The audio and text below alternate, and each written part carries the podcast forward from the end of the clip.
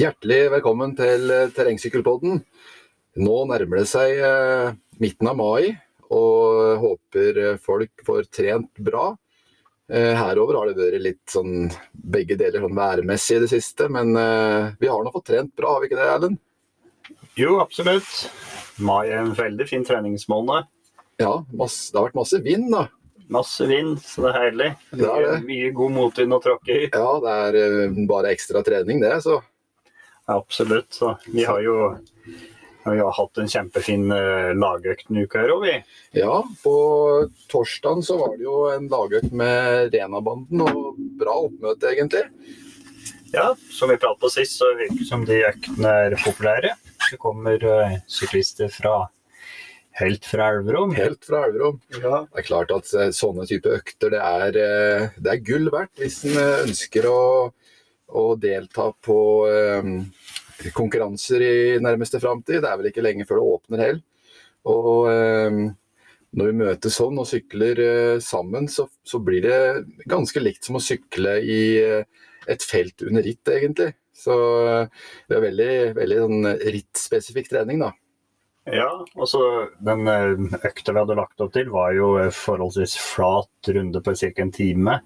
Også med en avslutning oppover mot den velkjente Skramstadsetra, da, som er kjent fra Birkebeinerrittet. Ja. Men med litt annen inngang da, fra start og oppover bakken. Ja. Så, så vi så jo det som for min del, da, hvor jeg slet jo veldig med å holde tempoet rundt. Måtte Ja. stort sett ligge bak eh, hele veien der det var side- og motvind. Så klarte jeg til slutt å bidra litt opp i medvind, da. Ja, det var en veldig merkelig opplevelse. Se på sånn pulsutviklinga til eh, Hvis en sammenligner oss på pulsutvikling, så, så var nok den første runden den, den var ikke noe spesielt tungt, følte jeg. Og det så ikke ut som det var noe spesielt tungt på pulsen heller. Men, eh, men eh, når vi kommer inn i Rena sentrum og skal begynne å klatre opp til Skramstadsetra, så da skjer det noe. Da går pulsen min rett opp og du fortsetter på samme pulsen som du har hatt hele runden, og kjører ifra. Ja. Så hva, hva kan årsaken være til det? Nei, det, Det kan vi drøfte og spekulere i. Ja. Men det var jo litt eh, rart for min del å se at når jeg hadde slitt så fælt med å holde følge med dere rundt, så begynner vi på bakken, og så er det dere som sliter med å holde følge med meg. Ja, veldig rart. Ja. Og du er jo tyngst av oss òg, ja, så Men eh, jeg vet ikke om det har noe med næring eller noe med ja, vi prater litt på det. Vi diskuterte litt i etterkant av rittet at det kanskje kunne ha noe med at, at du fikk i deg litt eh, eh, næring underveis. Ja, Du hadde vel sportsdrikk, hadde du ikke det? hadde noe sportsdrikk, ja. Så, Og jeg kjørte på vann. ja. ja. Og da Nei, jeg vet ikke om det har noe å si, men det, det føltes nå relativt eh, Jeg følte meg relativt maktesløs når jeg skulle prøve å henge på deg oppover der. Det, det ble tungt, altså. ja. Men Nei da, men så det, det er artig. Det skaper opplevelser vi kan diskutere, det, da. ja. Og så Ja, absolutt. Altså, eh, det er jo den ene økta vi har hatt uh, denne uka her. Uh, Nå så jeg du og bilde av deg og Stefan på eller det var en liten filmsnutt på Renabanden sin side på Facebook. Eh, Der du drev og gravde fram eh, en sti med spade. Gravde vekk snøen. Da, da begynner du å bli ganske ivrig. ja. Vi har jo en liten sånn rundbane som vi har eh, Det er jo egentlig en gammel sti bare, da, men som vi har lagd et segment og en rundbane på. da. Ja. Flyt-sti stort sett. da, Ganske høy fart på sti. Mm. Det er ganske tett med skog og sånn rundt. og så All snøen hadde jo ikke smeltet ennå, da, og da var vi ute på fredagen bare for å måke unna den, den siste rest av snø som lå igjen. Det var ikke mye, det var jo sikkert en, la oss si 100 meter til sammen da, med snø i Ja, normale folk bør kanskje ha venta til et intervju. Ja, men vi inviterte jo da til en økt på lørdag, og det kom jo folk som var med da. Så, Ja. Og det ble en kjempeøkt. Ja. Jeg fikk jo testa ut de nye um, Garmin Rally 100.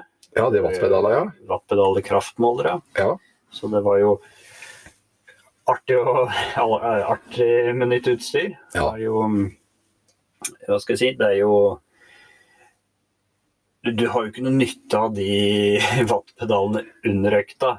Nei, Fordi det er det du, ikke. så hvis du den, Det går så fort på sti at hvis du i hele tatt våger å titte ned på sykkelcomputeren din, Ja. så er du jo plutselig fem meter ute i lynga. Altså, Ja, nei, det er vanskelig å nå holde fokuset på det man driver med. ja, man må det. Så det men det, det er artig ettertid. Både jeg og Stefan Hartz Repsus sykla jo med wattpedaler. Ja, Så vi, vi kunne i ettertid da gå inn og se ja, hvor lang tid brukte vi, hvor, eh, hvor mye watt tråkka vi. ja jeg var inne og så på stravaen din, og du hadde jo hatt eh, over ti minutter der du lå over 370 watt. Ja, Det er mye. ja da. Og det, men nå, nå kjørte vi Man kan vel kalle det tre tre drag da, av 20 minutter. Eller det vil si én runde ca. 10 minutter. Ja. Så vi kjørte to sammenhengende runder. Liten pause, så to runder til. Ja. Pause og to runder til. Ja. Og så som den, den vannet er vel at når du skal opp noen kneiker og det samler seg på Ja. Altså, ja. Jeg forsto det litt som at det var, eh, det var ikke de to første rundene du lå på den vatten, kanskje? Nei, for jeg tenkte jeg skulle kjøre meg inn i, inn i økta, da. I Ja. stort sett alle år så har jeg jo kjørt meg i senk fra start, sånn at jeg ikke har klart å fullføre med stil. Da. Men nå tenkte jeg at jeg skulle heller bruke kreftene mot slutten. Så jeg bare slapp Steffen egentlig helt fra start, og Helge Sveen, som var med fra, Fra Elverum? fra Elverum, og CK Valeo, tror jeg han sykler for. Ja, Ja. Eh, En sånn Oslo-klubb, hvis jeg skjønte riktig. ja, stemmer. Så jeg bare slapp dem til å begynne med, og eh, Kai Østfold hang bak meg. Ja. I hvert fall første runden, og så Men eh, etterpå så følte jeg at da hadde jeg vent meg til For jeg var litt sånn å kjøre første økta på den stien der som en hardøkt, istedenfor å ta en rolig tur og venne seg til det. Det er litt sånn halvskummelt, kanskje? Litt halvskummelt, for det, det har vært mye ulykker borti der. Uff, ja. ja. Det vet jeg. Ja, Nei, det- ja, vi hadde jo med NTG Kongsvinger bort der i fjor, og han ene gutten som lå før meg, han kjørte bort på en, eh, en stubbe og gikk over styret. Og det, det skjer så fort, så det, jeg har gjort det sjøl samme Ja. flere Det er noe annet altså, når man kommer ut i terrengen og sitter og sykler på vei, sånn som jeg har gjort mye av nå første delen av, av sykkelsesongen. da. Ja, Så, men det er jo litt interessant det du sier med i forhold til også eh, man åpner. Eh, og jeg tror nok kanskje at vi har litt å lære av det alle sammen. At vi har litt, litt lett for oss å gå ut altfor hardt. Vi er fulle liksom, når det gjelder både sånn type rittlignende treningsøkter, men nå eh, når vi er på ritt, så vi, er, vi har litt mer adrenalin i kroppen enn det, enn det vi normalt har. og, og det virker litt smertes, smertelindrende, så vi kjenner egentlig ikke hvor hardt vi tar i. Eh, og da eh, åpner han ofte for hardt. Det har jeg kjent på sjøl mange, mange ganger. Nesten hver eneste gang jeg sykler den type økter eller ritt, så skal jeg henge med feltet. Det er på en måte det jeg tenker. Jeg skal, jeg skal være med. Og det ender jo som regel med at eh, i løpet av en liten stund så mister jeg feltet likevel, fordi det er Jeg har gått ut for hardt.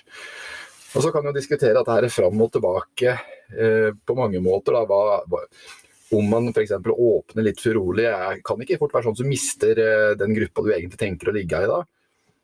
Eh, Tror du ikke det? Jo, det også, du vil jo aldri få vite det, da. Hvis du tenker nei, nå skal ha en kontrollert åpning, så du bare lar de første bare gå. Du bryr deg ikke om dem. Du vil jo aldri få vite om du hadde klart å henge med eller ikke. Eller ble det lurekjørt ganske fort der, eller hvordan utarta det seg egentlig. Ja.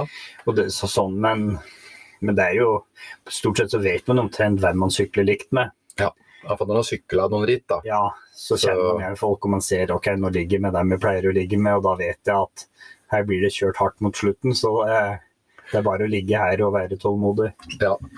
Men det er ofte litt sånn at på seg sjøl så kjenner man andre òg, da. Og for min egen del så tenker jeg Jeg tenker ofte liksom i starten på sesongen at, at jeg er på et høyere nivå enn jeg egentlig er, da. Og at jeg kanskje da prøver å henge med folk som jeg mener jeg skal henge, kunne henge med, og så er jeg faktisk ikke helt der ennå. Men det lærer en. Det, Ja, da.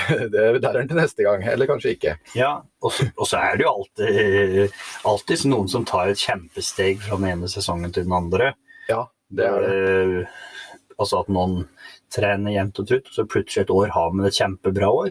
Mm. Sånn at man, man må jo i starten av sesongen i hvert fall være litt eh, optimistisk og tenke at man skal prøve, i hvert fall. Og Ja. så får man jo etter hvert bare heller justere seg. Ja.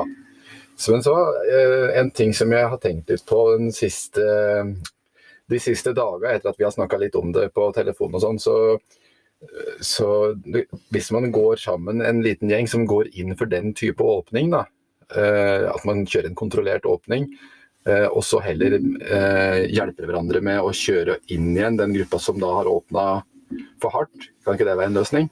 Det kan være en løsning. Så hvis man klarer å få med den gruppetenkninga i syklinga, så kan man gjøre det ganske bra. Ja.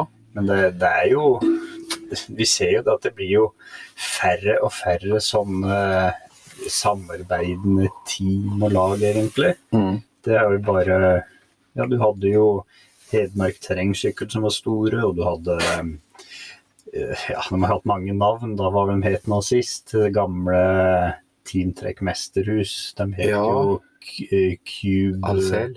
Cube Alcel Ja. sist, ja. Ja. Det er vel heller ikke noe mer. Så da må du på klubbnivå da, for å få til noe Ja. sånn. Og, og klubbene blir kanskje litt for små til å ha nok syklister på samme nivå, da. Ja, da må man kanskje begynne å tenke på samarbeidende klubber. da. At man for, Ja. går sammen flere som går inn for en sånn type løsning. En slags felles satsing. Ja. For det er jo sånn at de beste de vil jo uansett ikke, ikke klare å nå igjen, for de kjenner seg sjøl og kroppen sin så godt at de kjører ut hardt og kjører eh, egentlig det feltet som da er en del av da, i filler eh, i løpet av eh, den perioden rittet pågår. Ja. Eh, og, og tanken min da det er at eh, da kan jo, hvis man samarbeider med, med en kontrollert åpning og, og eh, samarbeider med å kjøre rulle, så kan man plukke én etter én etter én og kanskje få en enda bedre opplevelse av rittet enn om man kjører for hardt og så blir man gjennådd eh, og er helt i kjelleren eh, både fysisk og mentalt. da. Ja, nei, jeg har opplevd det mange ganger sjøl. At å miste den gruppa man lå med først, og så blir du tatt inn en gruppe bak, og så er du så sliten at du nesten ikke klarer å hekte det innpå der heller. Man får ofte en litt sånn, eh, For min egen del jeg kjenner at jeg får en sånn, litt ofte negative tanker når, når akkurat det skjer. Ja. Det, da er det sånn at eh, han lurer litt på hvorfor han driver med det han gjør. Ja. Og det er jo det liksom, Litt av poenget med å være med på konkurranser, det er jo, på, det er jo å eh, kjenne på mestring.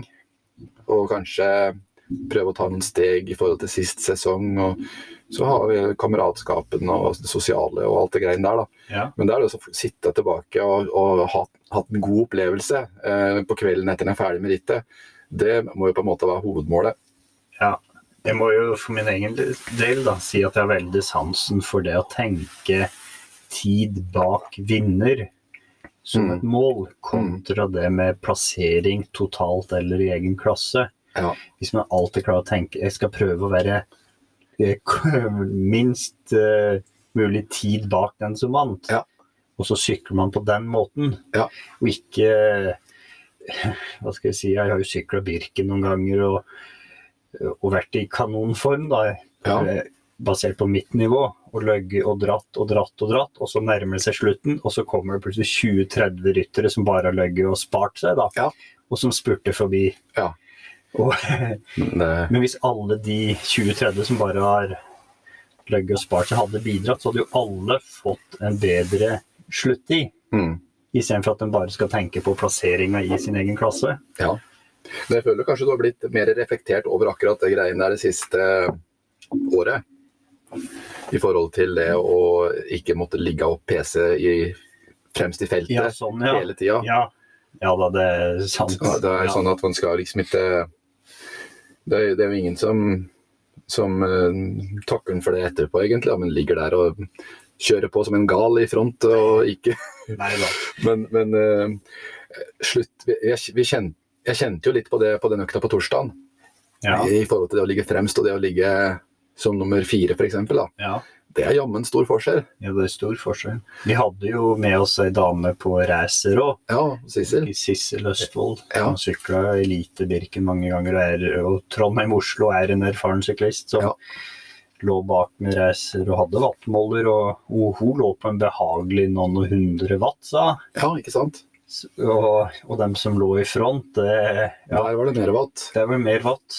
Vi kjørte jo i starten et halvt minutt, eh, og så vi lå i front et halvt minutt hver oss. Ja. Og jeg var helt kjørt etter det halve minuttet. ja, nei, jeg hørte du pusta skikkelig, Ja. altså. Det var ikke noe Nei.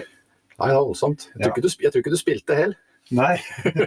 Nei det, når man ser på pulsen etterpå, så så man at det var i sone fire lenger Ja, enn mange av dere Ja, ja, andre. du var så, Så det er litt Ja. rart. ja, Det virker som du trives mest, best i motbakka. ja.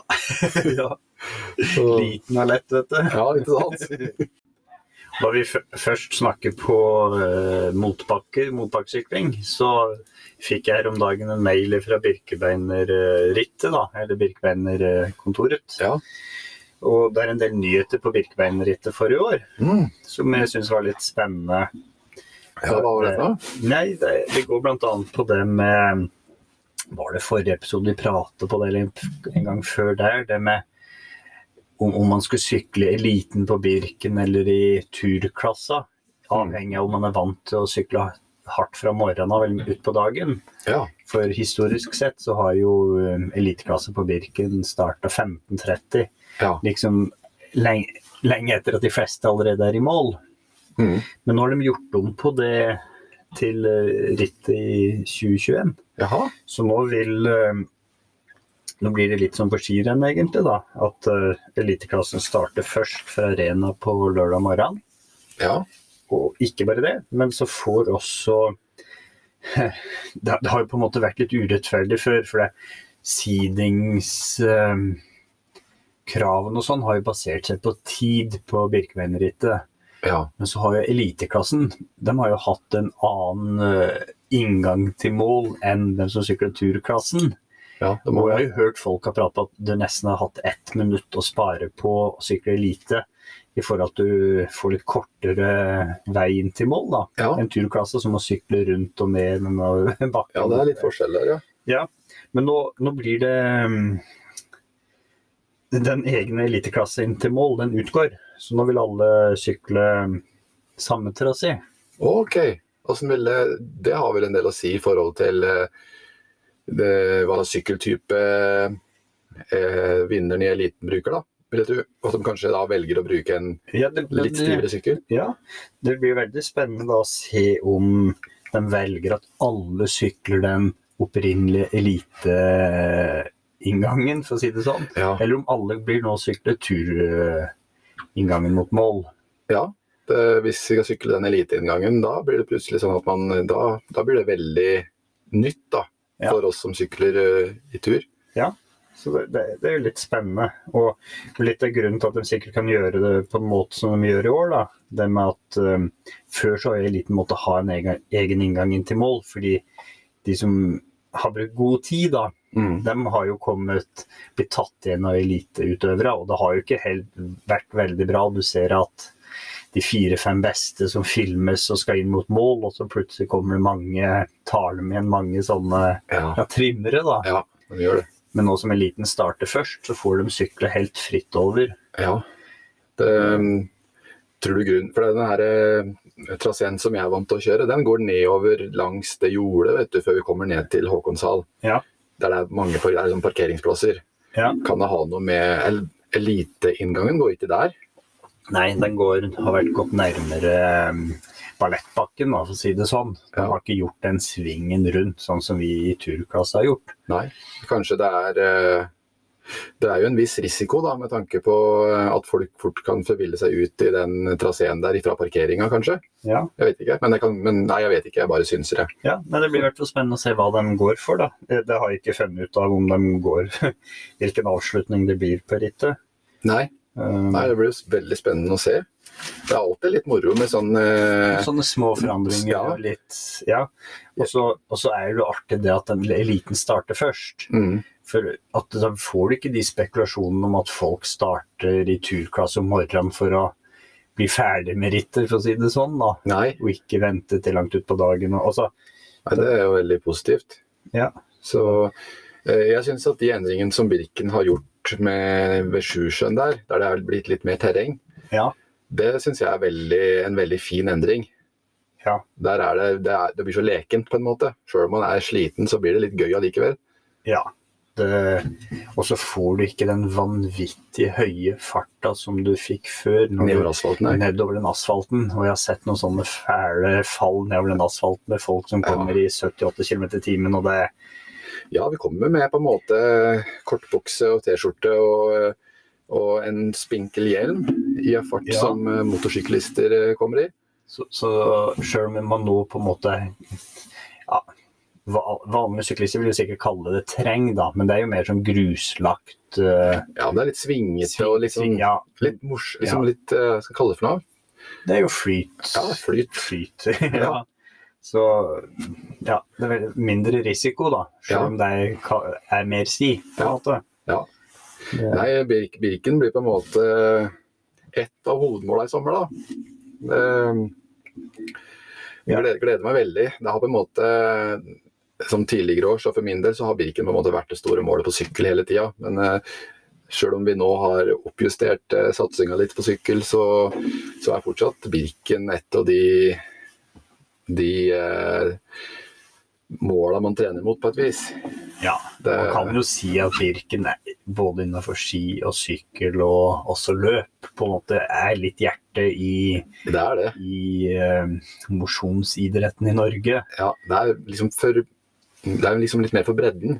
Ja, Det er for, det er for alle. Det er ikke liksom hvem, hvem De aller fleste som trener mot uh, trener på sykkel, eh, vil, vil fint kunne gjennomføre Birken. Og det er jo et utrolig fint terreng, da.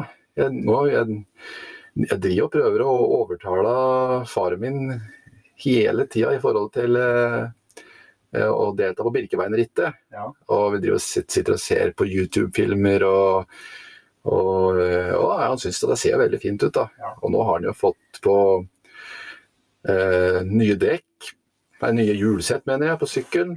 Uh, American Classic. Classic, ja. Ja. Kjøpt av deg. ja. Hadde, har- blir jo en del sånn Og, utstyr Ja, som alle kan ha nytte av. ja. American Classic er jo et vanvittig bra merke som dessverre det er vanskelig å få tak i i Norge nå. Ja, nei, for i 2018 så ble det slutt på, på produksjon av American okay. Classic julesett. Ja, men jeg Det ser det er veldig vanskelig å få tak i. Ja, så de kan sikkert bli verdt mye etter hvert. For det, de dyreste American Classic eh, hjulsettet er jo håndlagde i Taiwan.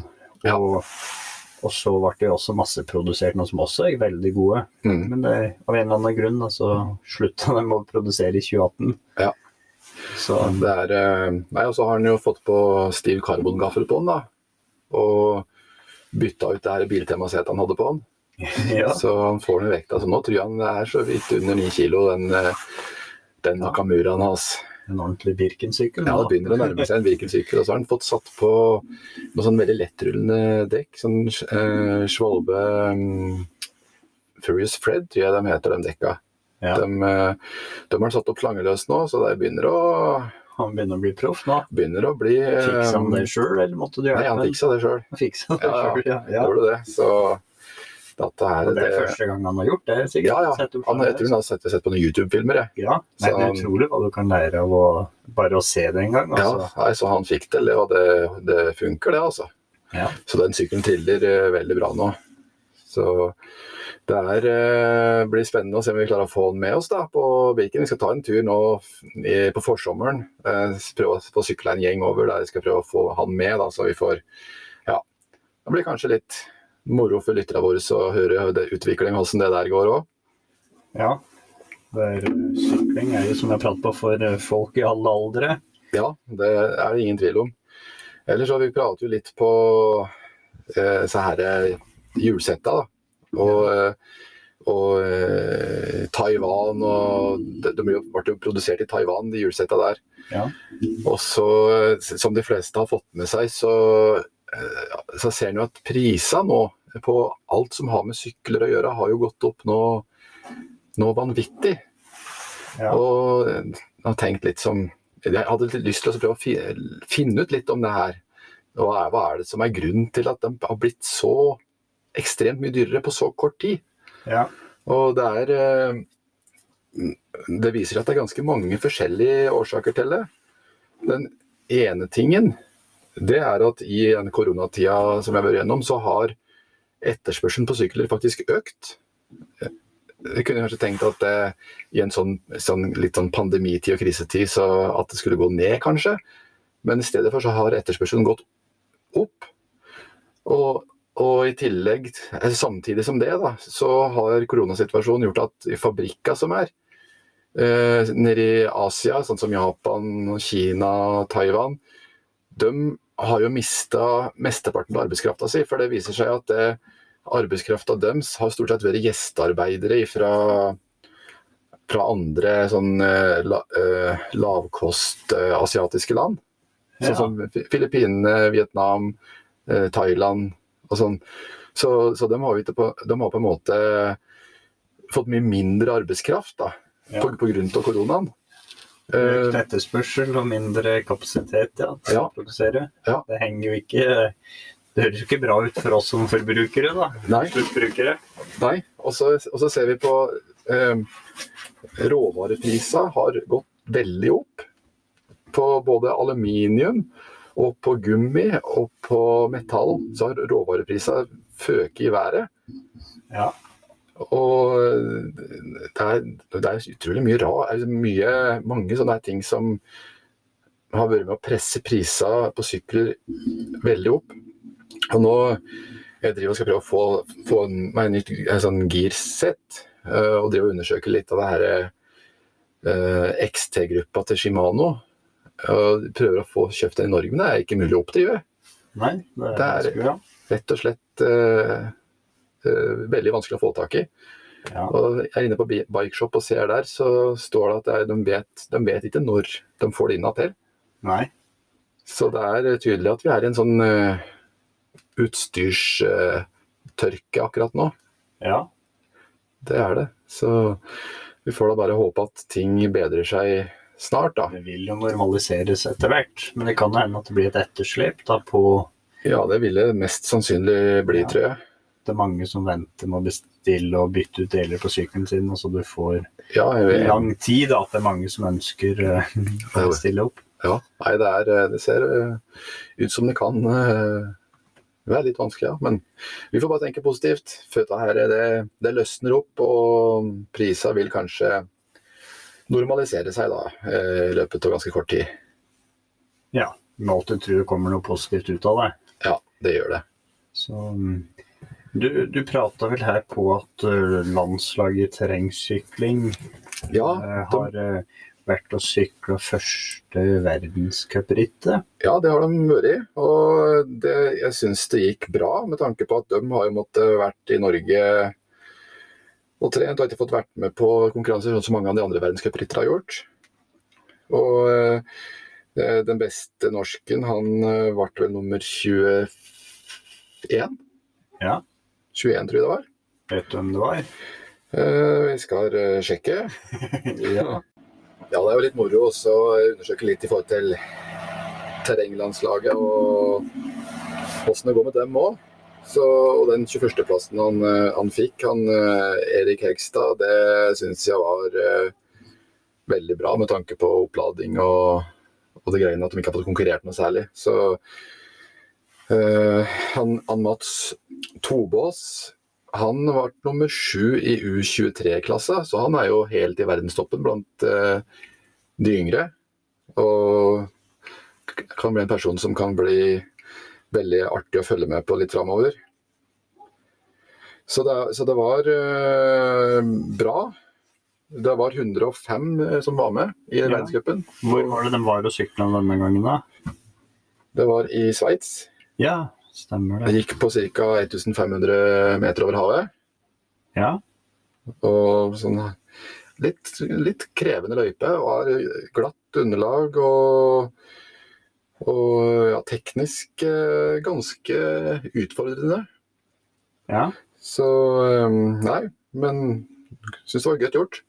Det er iallfall veldig moro at de er med og setter Norge på terrengsykkelkartet. Ja, og det er jo artig at de etter ett og et halvt år endelig er på, på i gang da, med internasjonale konkurranser.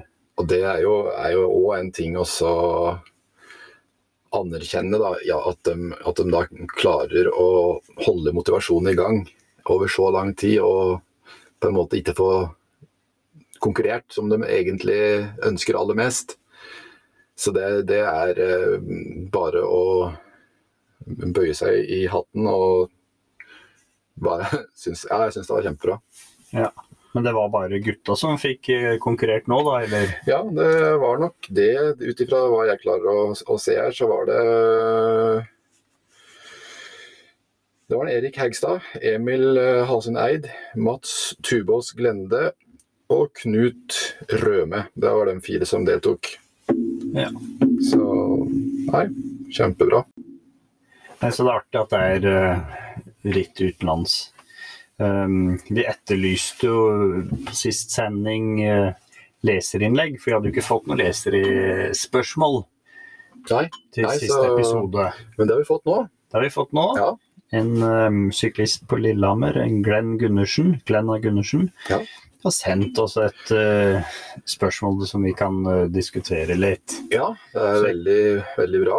Kan ta og lese opp hva han skriver til oss. Hei. Flott å høre på terrengsykkelpodden for oss som har felles interesse for sykling. Dere har flere ganger tatt opp diskusjon om wattmåler. Jeg har sverga til wattmåler siden jeg begynte å strukturere syklinga i 2016, etter at jeg fikk hjelp av Christian Klevgård, som er personlig trener på Sats Lillehammer. Etter en FTP-test ble grunnlaget lagt, og treningsprogrammene ble lagt opp av Christian, slik at man styrte på prosent av FTP, særlig på intervalløktene. Min opplevelse er at før jeg fikk wattmåler, brant det for mye av kruttet i starten av intervallene, siden pulsen bruker litt tid før den går opp. Etter at jeg fikk wattmåler, kan man styre økta mer riktig, og sørge for at man ikke starter intervallene for hardt, og klarer å holde trykket helt ut. En annen fordel er at du lærer deg hva kroppen tåler, og dette kan overføres til ritt. Da vet hvor langt du kan strekke strikken før du stivner og møter veggen. Med wattmåler vet du hvor mye du eventuelt kan tråkke til i korte og lengre bakker, og kan bruke det til å få ut det beste potensialet man har uten å gå på en smell. Fra 2016 til 2018 klarte å forbedre meg fra fire timer i Birken ned til 3.24. Så mitt innspill er å få tak i en wattmåler i stedet for mye utstyrshysteri på sykkelen. Man kan nå få tak i flere typer billigere varianter, alt fra pedaler og krankarmer, som eventuelt måler kun på én side, men dette fungerer helt ok. Med vennlig hilsen Glenn A. Gundersen på Lillehammer. Mm.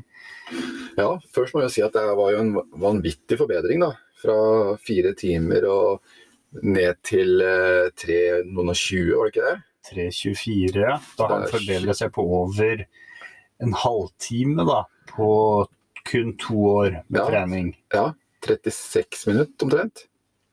Ja.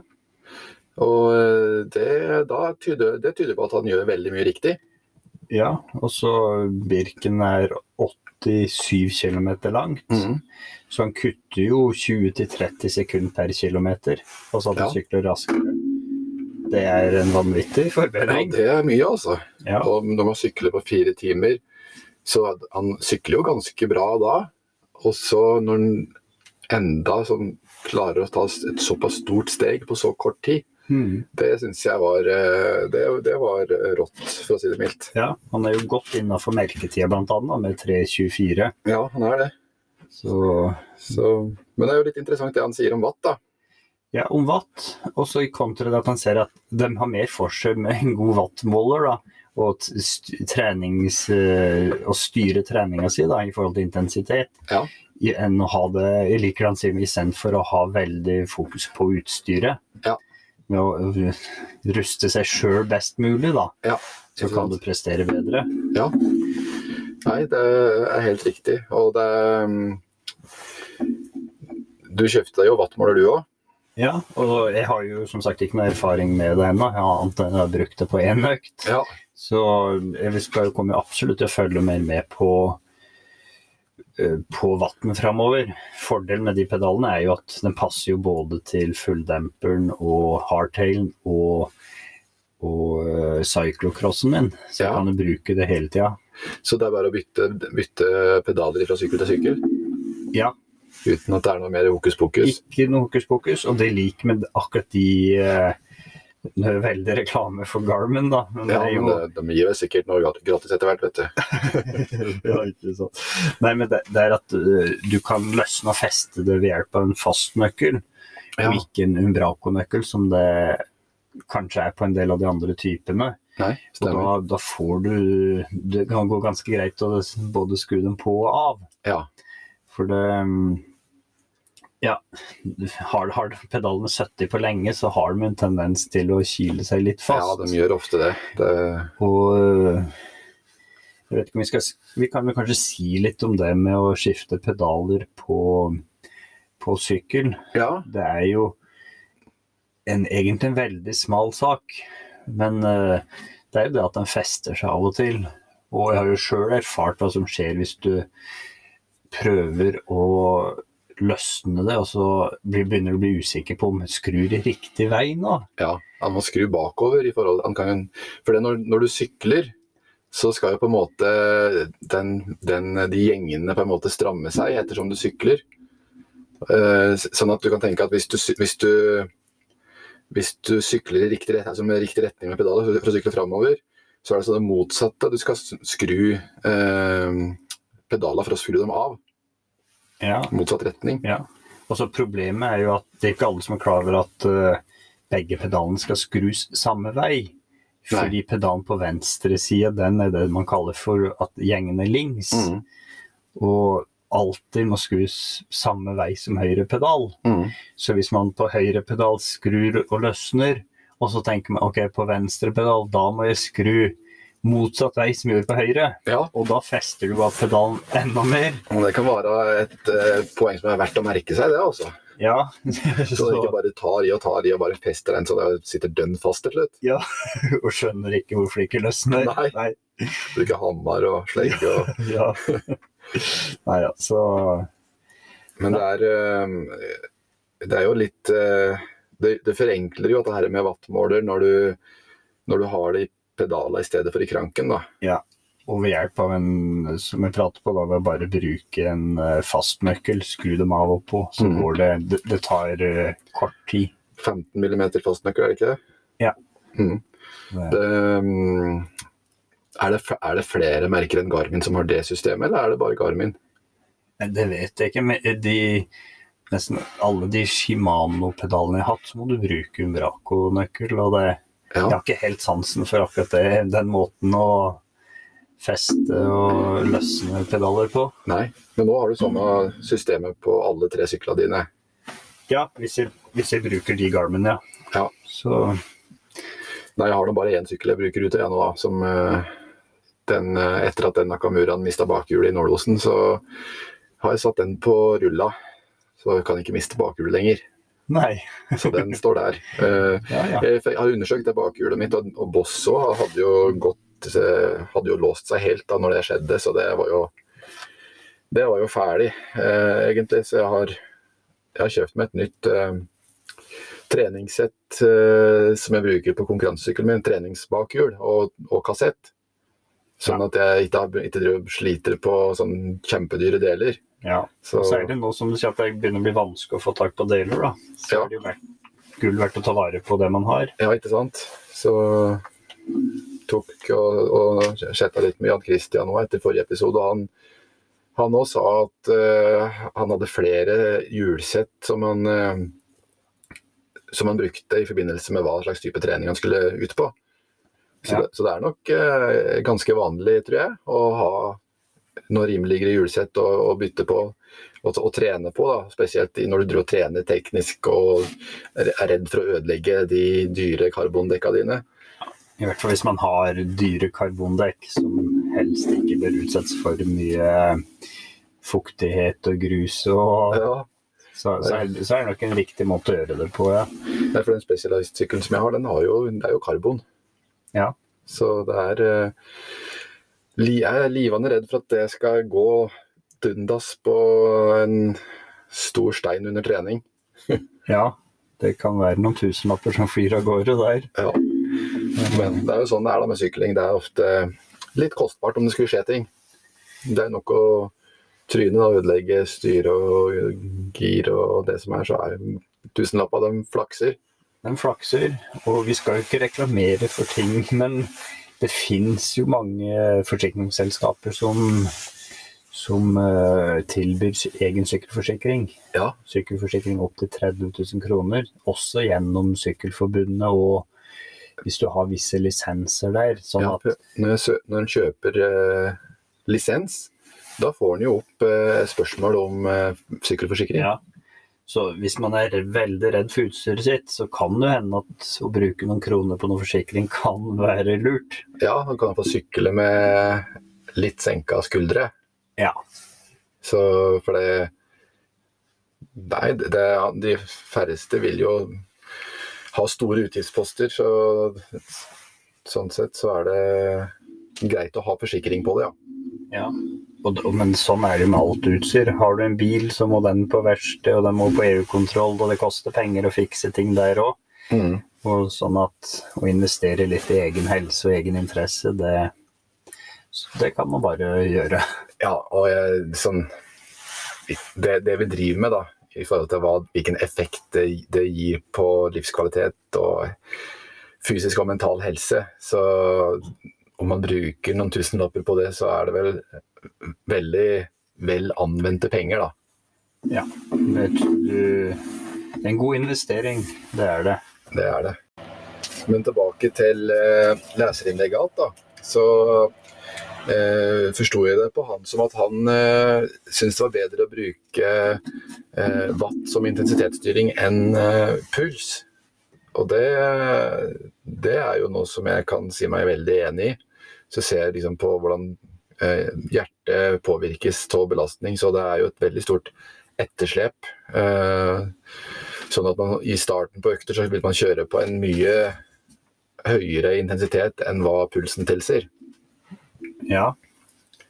Og nei, jeg, jeg hadde veldig sans for de tankene han har rundt sykling, og han har nok fått mye gode ideer fra Christian Klevgård, da, som er en uh, erfaren syklist. Ja. Som har trent i mange år målretta, og han, han, vet jo hva han driver med. Ja. Og jeg likte særlig godt det der med at han har, at han har forbedra seg så mye, da. Mm. Og du ser at han Han har litt den samme tankegang som jeg hadde, da, med at det er sluttida som betyr noe, ikke Mm. plasseringa. Ja. At man ser ok, hva brukte jeg sist, hva bruker jeg nå, og klarer jeg å forbedre meg sjøl. Mm. Og Det er jo en mye bedre indikator på personlig framgang, da. Eh, sluttida enn plassering. For plasseringa den kan jo det påvirkes av så mye forskjellige ting. ja, og det, det kan jo ha bare med om det er andre ritt som går akkurat den samme helga. Ja, nei, for det, um, I forhold til Nå har jo jeg kjørt mye på rulla i vinter. Og nå i, i vår har jeg kjørt en del òg. Og der har jeg kjørt på vatt. Og, og der har jeg litt samme erfaringa, egentlig. At det, de første draga, da, da kan jeg stille inn vatten på forhånd. Så jeg bestemmer meg på forhånd at jeg skal ligge på 285 f.eks. av watt eh, på et åtteminuttersdrag. Da. Og da er det ofte sånn at det første draget det føles ut som det er altfor lett. Og ser på pulsen, og så ser det ut som at det er egentlig altfor lett. Men vatten sier at det er, eh, Det er det du det er der jeg skal ligge, liksom. Ja. Så, så det er sånn at pulsen er ikke bestandig den, det er en helt god indikator på intensitet. Nei, og, og pulsen påvirkes av så mye, da. Mm. Er man, begynner man å bli syk? Har man spist greit? Har man drukket ordentlig med Ja, Også, den påvirkes av så veldig mye. ja den gjør det. Og som du sier, også den kan vise forskjellige intensitetssoner, avhengig av hvor i økta du er. Om det er på starten eller slutten, eller Og jeg er alltid sånn veldig mye høyere i pulsen på morgenen enn jeg er på kveld, kvelden når jeg kjører økter. Så kan jeg kjøre på, når jeg kjører morgensøkter, så kan jeg kjøre på mye høyere puls sjøl om, selv om vatten er lik. Eh, kjører jeg samme økta på kvelden, så er pulsen mye lavere eh, på meg, da. Det er sikkert forskjell fra person til person. Så tidspunkt på døgn òg påvirker pulsen, faktisk. Ja. Ja, så nei, vi kan vel oppfordre at dem som har lyst til å investere i en wattmåler bør jo kanskje gjøre det, da. Hvis Ja, man har lyst til å sykle og forbedre sin egen tid da, på ritt, eller Ja. Ja. Og eh, i forhold til eh, intensitetsstyring så eh, er jeg iallfall overbevist om at eh, det er et veldig godt hjelpemiddel. Ja. Så det, det kan være en god investering da, for folk som har lyst til å systematisere treninga si litt. Ja. Men samtidig, for, for min egen del, så føler jeg at jeg har lært veldig mye av den rullesyklinga i, i vinter. Sånn at jeg kan på en måte dra med meg det, det jeg har lært fra den rullesyklinga over til å kunne bruke pulsen som intensitetsstyring allikevel. Da. Ja. Fordi jeg ser at jeg kan ikke ligge på så høy puls de første draga, for, for da, blir det, da er det feil watt. Ja. For nå, nå vet jeg hvor, hvilken puls jeg skal ligge på, for det har, liksom, det har rulla og, og wattmåleren på rulla lært meg at det, det er der jeg skal ligge, og ikke på så kjempehøy puls. ja. Men hva, hva tenker du i forhold til Så kommer du ut, og så skal du sykle dritt, og plutselig er det en som kommer i motkneike, da, og så steller han seg opp og begynner å tråkke 600-700 watt og prøver å komme seg unna. Ja. Hva, hva, tenker du da? Skal du da prøve å holde følge, eller bare sitter du og tråkker den vatten du vet du tåler?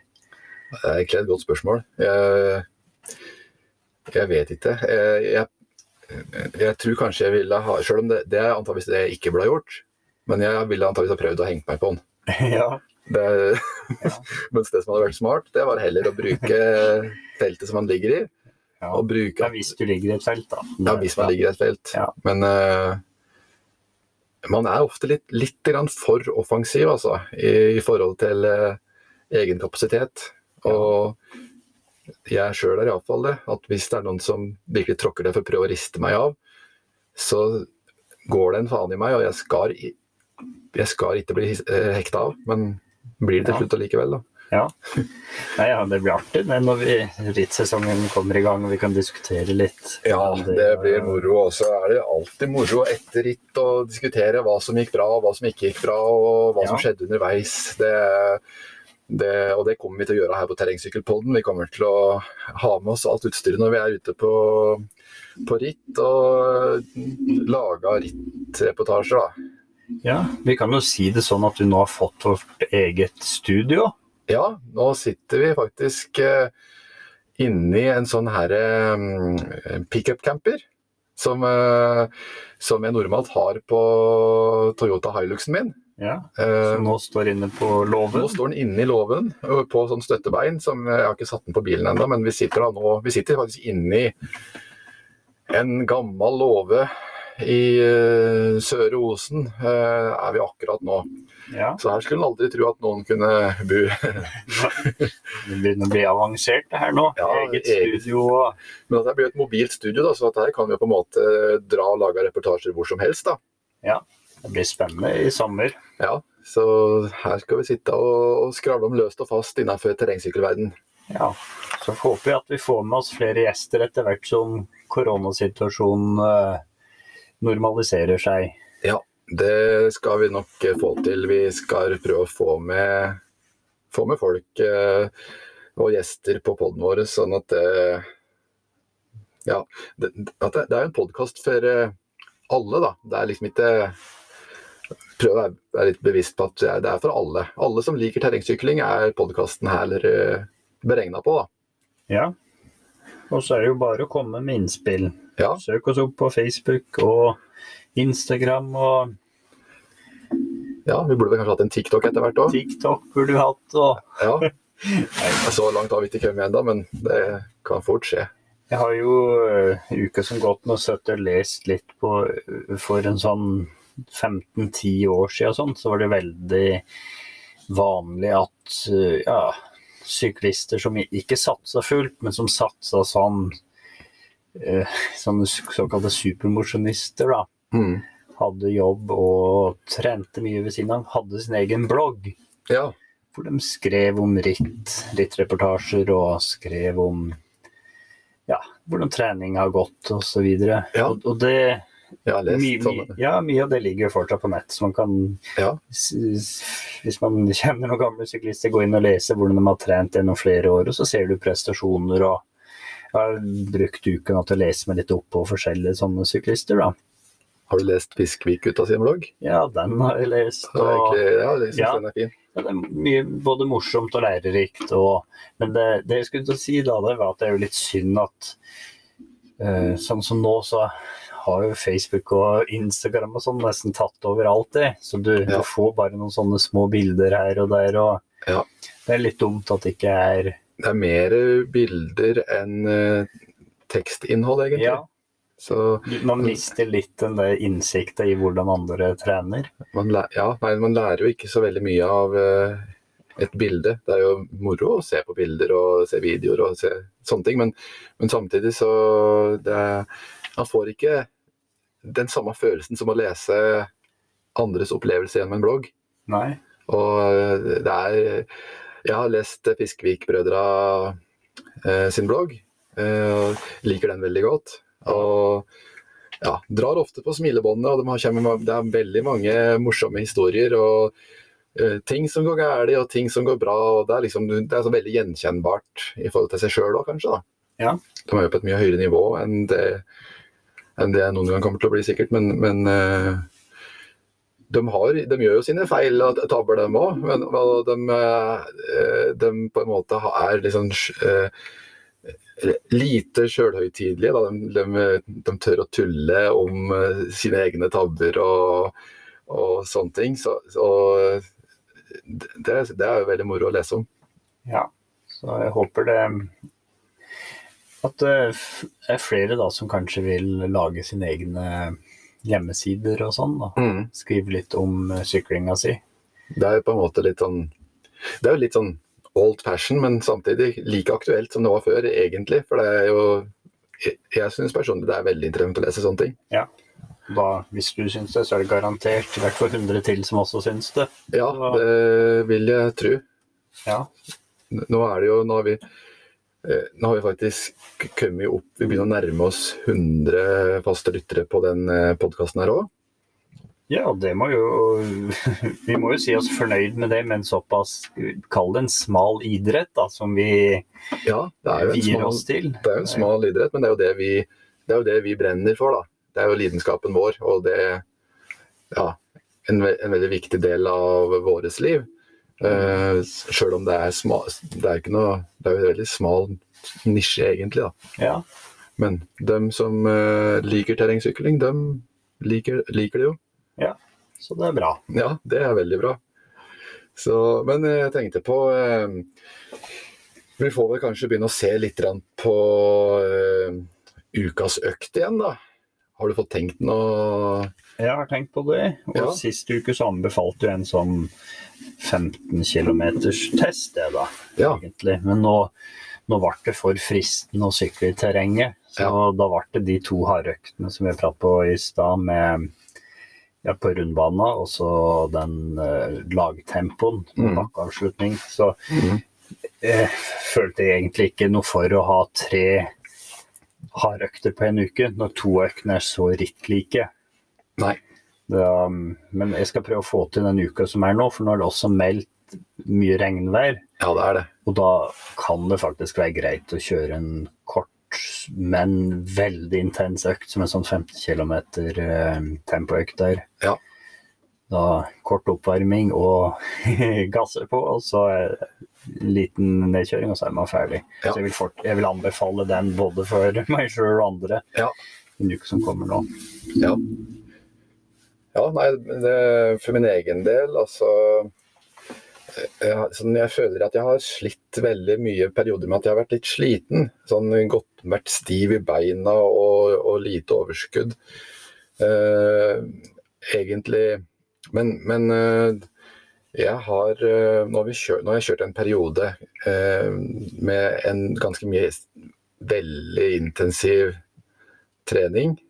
Ikke mye intensiv trening, men de, de hardøktene har vært mye hardere enn det jeg har kjørt gjennom vinteren.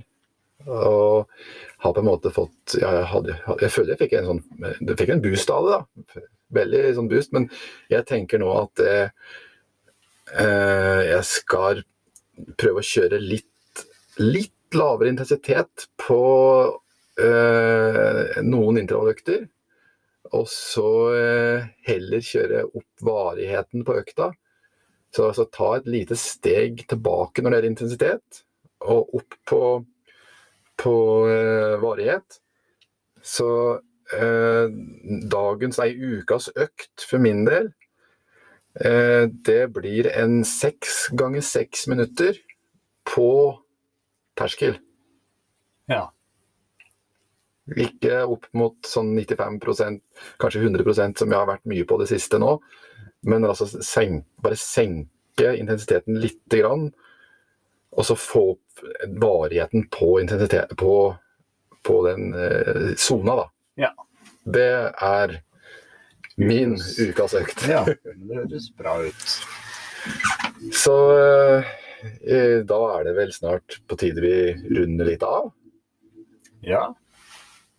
Det er eh, Det er vel det. Så da eh, får vi si tusen takk for at dere eh, hørte på. Og så høres vi igjen neste mandag. Ha det bra.